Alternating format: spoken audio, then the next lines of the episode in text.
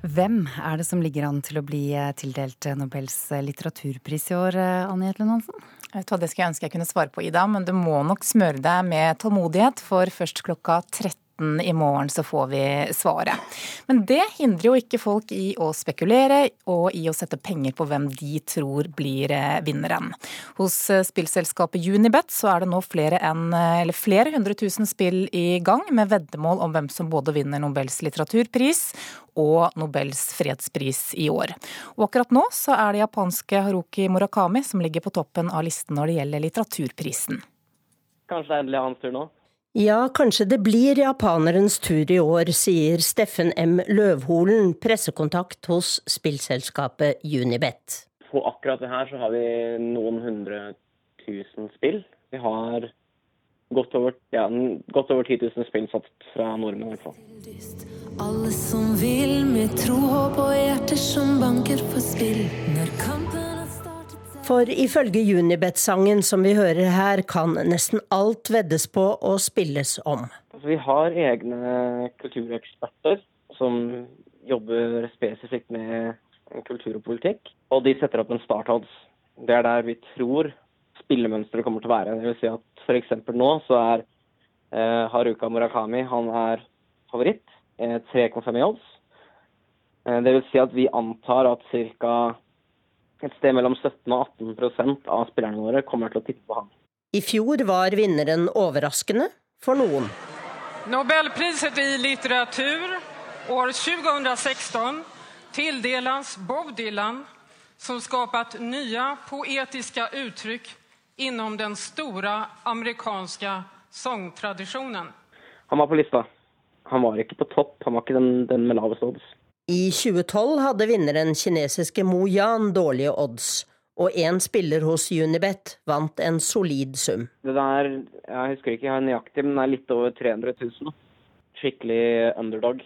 I avisa Adressa håper litteraturanmelder Terje Eidsvåg på en ny underdog i år. Jeg tror ikke det hadde vært så dumt om prisen denne gangen hadde gått til noen som ikke nødvendigvis var så veldig kjent på forhånd. Det sa Terje Eidsvåg i Adresseavisen. Reporter her, det var Tone Staude. Men foreløpig så er det altså en godt bevart hemmelighet hvem som vinner eh, litteraturprisen i morgen, også for NRKs eksperter på forfattere og bøker. Sisvik og Marta Norheim, god morgen. God morgen. Noen minutter før klokka 13 i morgen så står dere altså utenfor dette studioet her og tripper mens vinneren blir annonsert i Stockholm. Og da er altså jobben deres å gå direkte på lufta her på radio og på TV og snakke om hvem denne forfatteren er. Hvordan er de minuttene før vi vet hvem vinneren er for dere? Jeg vet, eh, Sissevik, du har hatt mareritt eh, i natt? Jeg hadde mareritt at jeg skulle intervjue fire forfattere jeg aldri hadde hørt om, og noen hadde stjålet alle bøkene deres på biblioteket. Så det kan jo si litt om hvordan vi har det da. Men det er på en måte den ene gangen i året hvor vi får gjenoppleve hvordan det er å ha muntlig eksamen. Eh, så da har vi ganske sånn litt sånn høyt adrenalinnivå. Og så står man gjerne og prøver å pugge de navnene på de forfatterne fra land som vi ikke liksom er helt stødige på uttalen til. Og så skuler vi på hverandre, og så både håper vi at det er liksom min forfatter, for det er jo noe, vi er eksperter på litt sånn forskjellige, og så samtidig og håper ikke det blir min. Så det er uh, veldig doble følelser når den døra åpnes. Jeg kjenner igjen den der. fordi at eh, Vi velger jo ikke å jobbe med litteratur fordi at vi elsker fart og spenning og sånn, og snu seg rundt uh, på et tusendedels sekund. Men liksom akkurat denne dagen i året er det vi som skal gjøre den øvelsen. da. Men jeg gjør det med stor glede. Stor nervøsitet og stor glede. Marta Norheim er vår uh, stendige sekretær her i vår egen Nobelkomité, så vi føler oss som en filial, kan vi si. Men hvor mye vet dere da om de potensielle vinnerne? Vi vet noe om alle. Det kan jeg si med hånda på hjertet. fordi at eh, Selv om det ikke er nominasjoner til denne prisen, så, så surrer det og går en del navn rundt, og du har disse bettinglistene. Og, og, og vi samler sammen navn fra der vi hører rykter, og, og har ei liste. og navnet står alltid på den lista. Eh, en gang sto det ikke på lista, da var det Doris Lessing som jeg hadde strøket fordi at jeg tenkte hun var for gammel. Men nå stryker jeg ikke folk før de er døde. Nei. Men vi har jo sett den lista nå, f.eks. Så Jan Janke og Laslo Krasna Horkai mm -hmm. har kommet inn siden sist. Mm -hmm. Jeg øver meg på den navnet. Ja, han er min. Han er din. jeg har ikke fått pugga de ennå, kan du si. da, Så vi har eh, 140 forfattere vi skal kunne ha framme i pannebrasken uh, når det ropes opp. Ja. Jeg så også Donald Trump sto på lista til Unibet. Ja, det er jo helt useriøst. Altså, Folk ja. bare sender inn sånne type greier. Og, ja. og det er jo det, det som er øverst på lista, det er jo vanligvis uh, navn som er veldig kjent. Uh, og ikke nødvendigvis navn som uh, Svenskeakademien interesserer seg for. Sånn at det er liksom to forskjellige systemer. Men hvordan forbereder dere dere da før, denne, før morgendagen?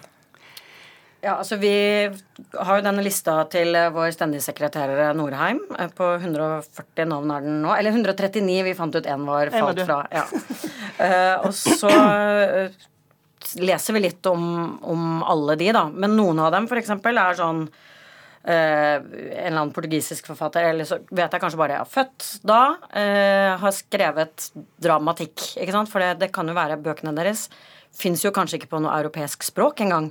Så hvordan skal du liksom google et sørkoreansk forfatterskap som ikke fins eh, på vårt alfabet? Det er ikke lett. Eller å sitte på direkten og få et navn i fleisen som du bare kjenner liksom navnet og knapt nok uttalen på, og så er det bare liksom å prate ifra null. Det er liksom en egen øvelse.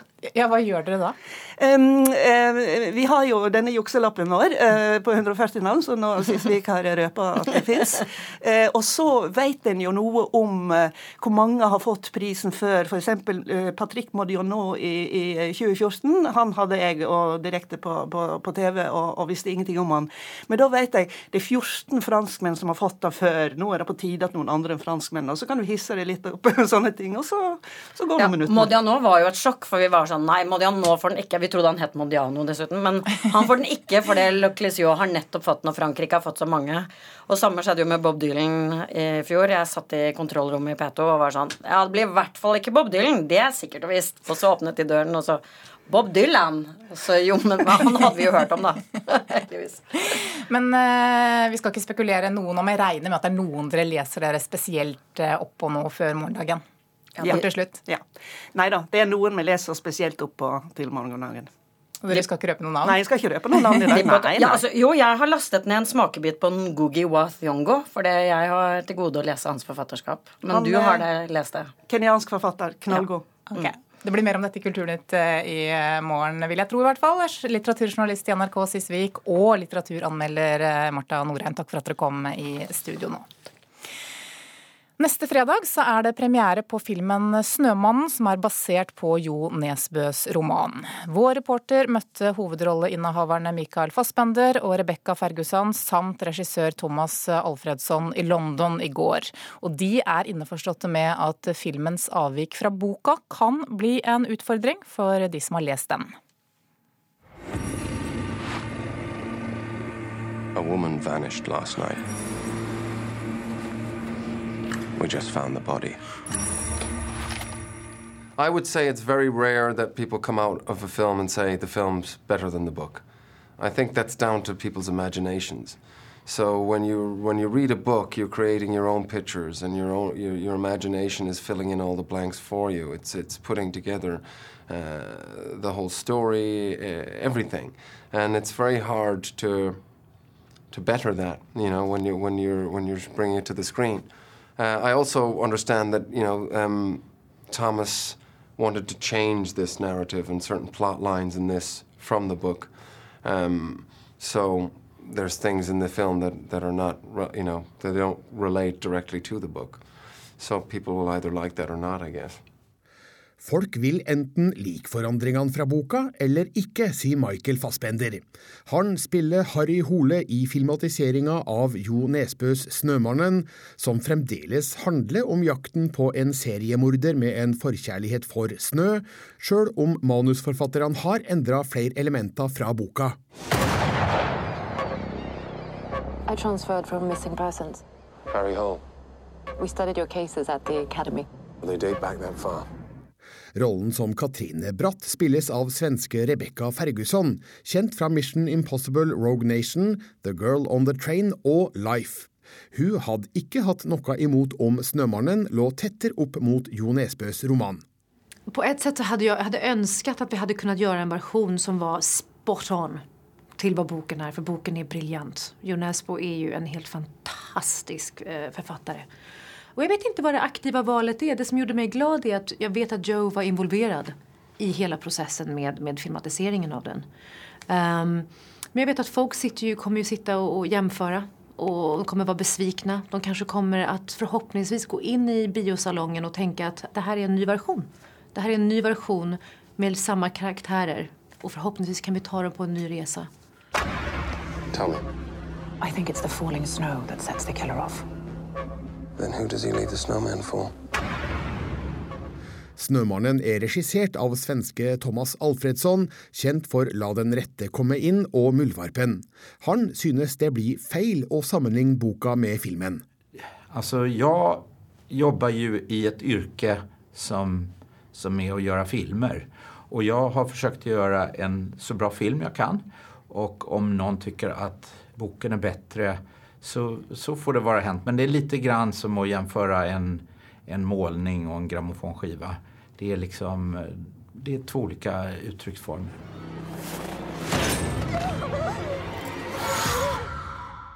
Ja, 'Snømannen' har altså premiere neste fredag. Reporter i London, det var Birger Vestmo.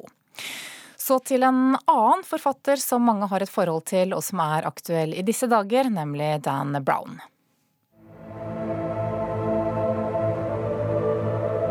You and I, Robert, We have observed history.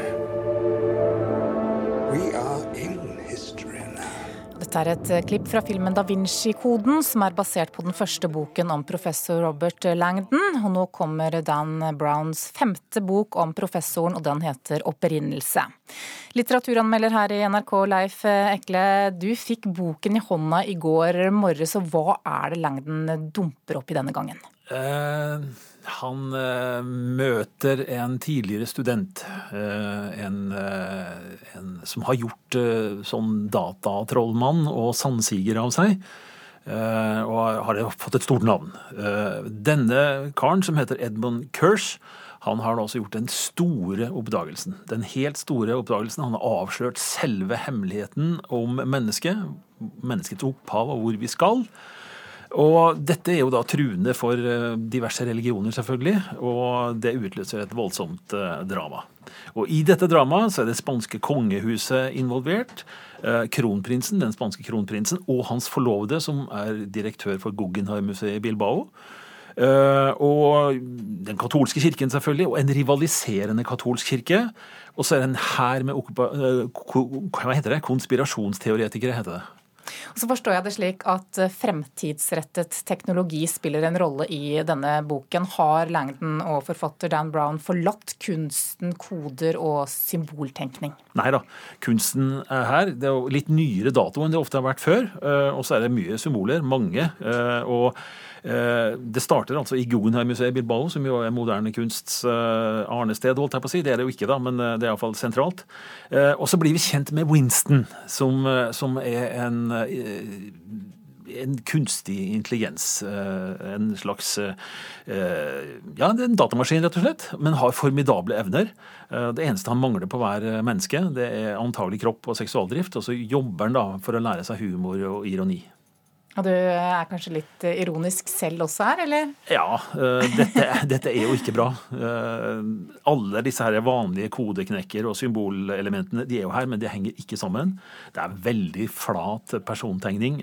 I stedet blir, det blir altså en billig actionaffære der aktørene flyr rundt til, mellom verdensarvlokasjoner og, og, og, og skal liksom Ja, vi skal finne ut hvem kommer først, lengden eller skurkene? Og det, det blir veldig, veldig dårlig, altså. Veldig kjedelig. Og, og innimellom så er det en actionscene du kan lese og synes er grei, men, men det er ikke, ikke, en god bok, altså. Ikke engang for tilhengerne?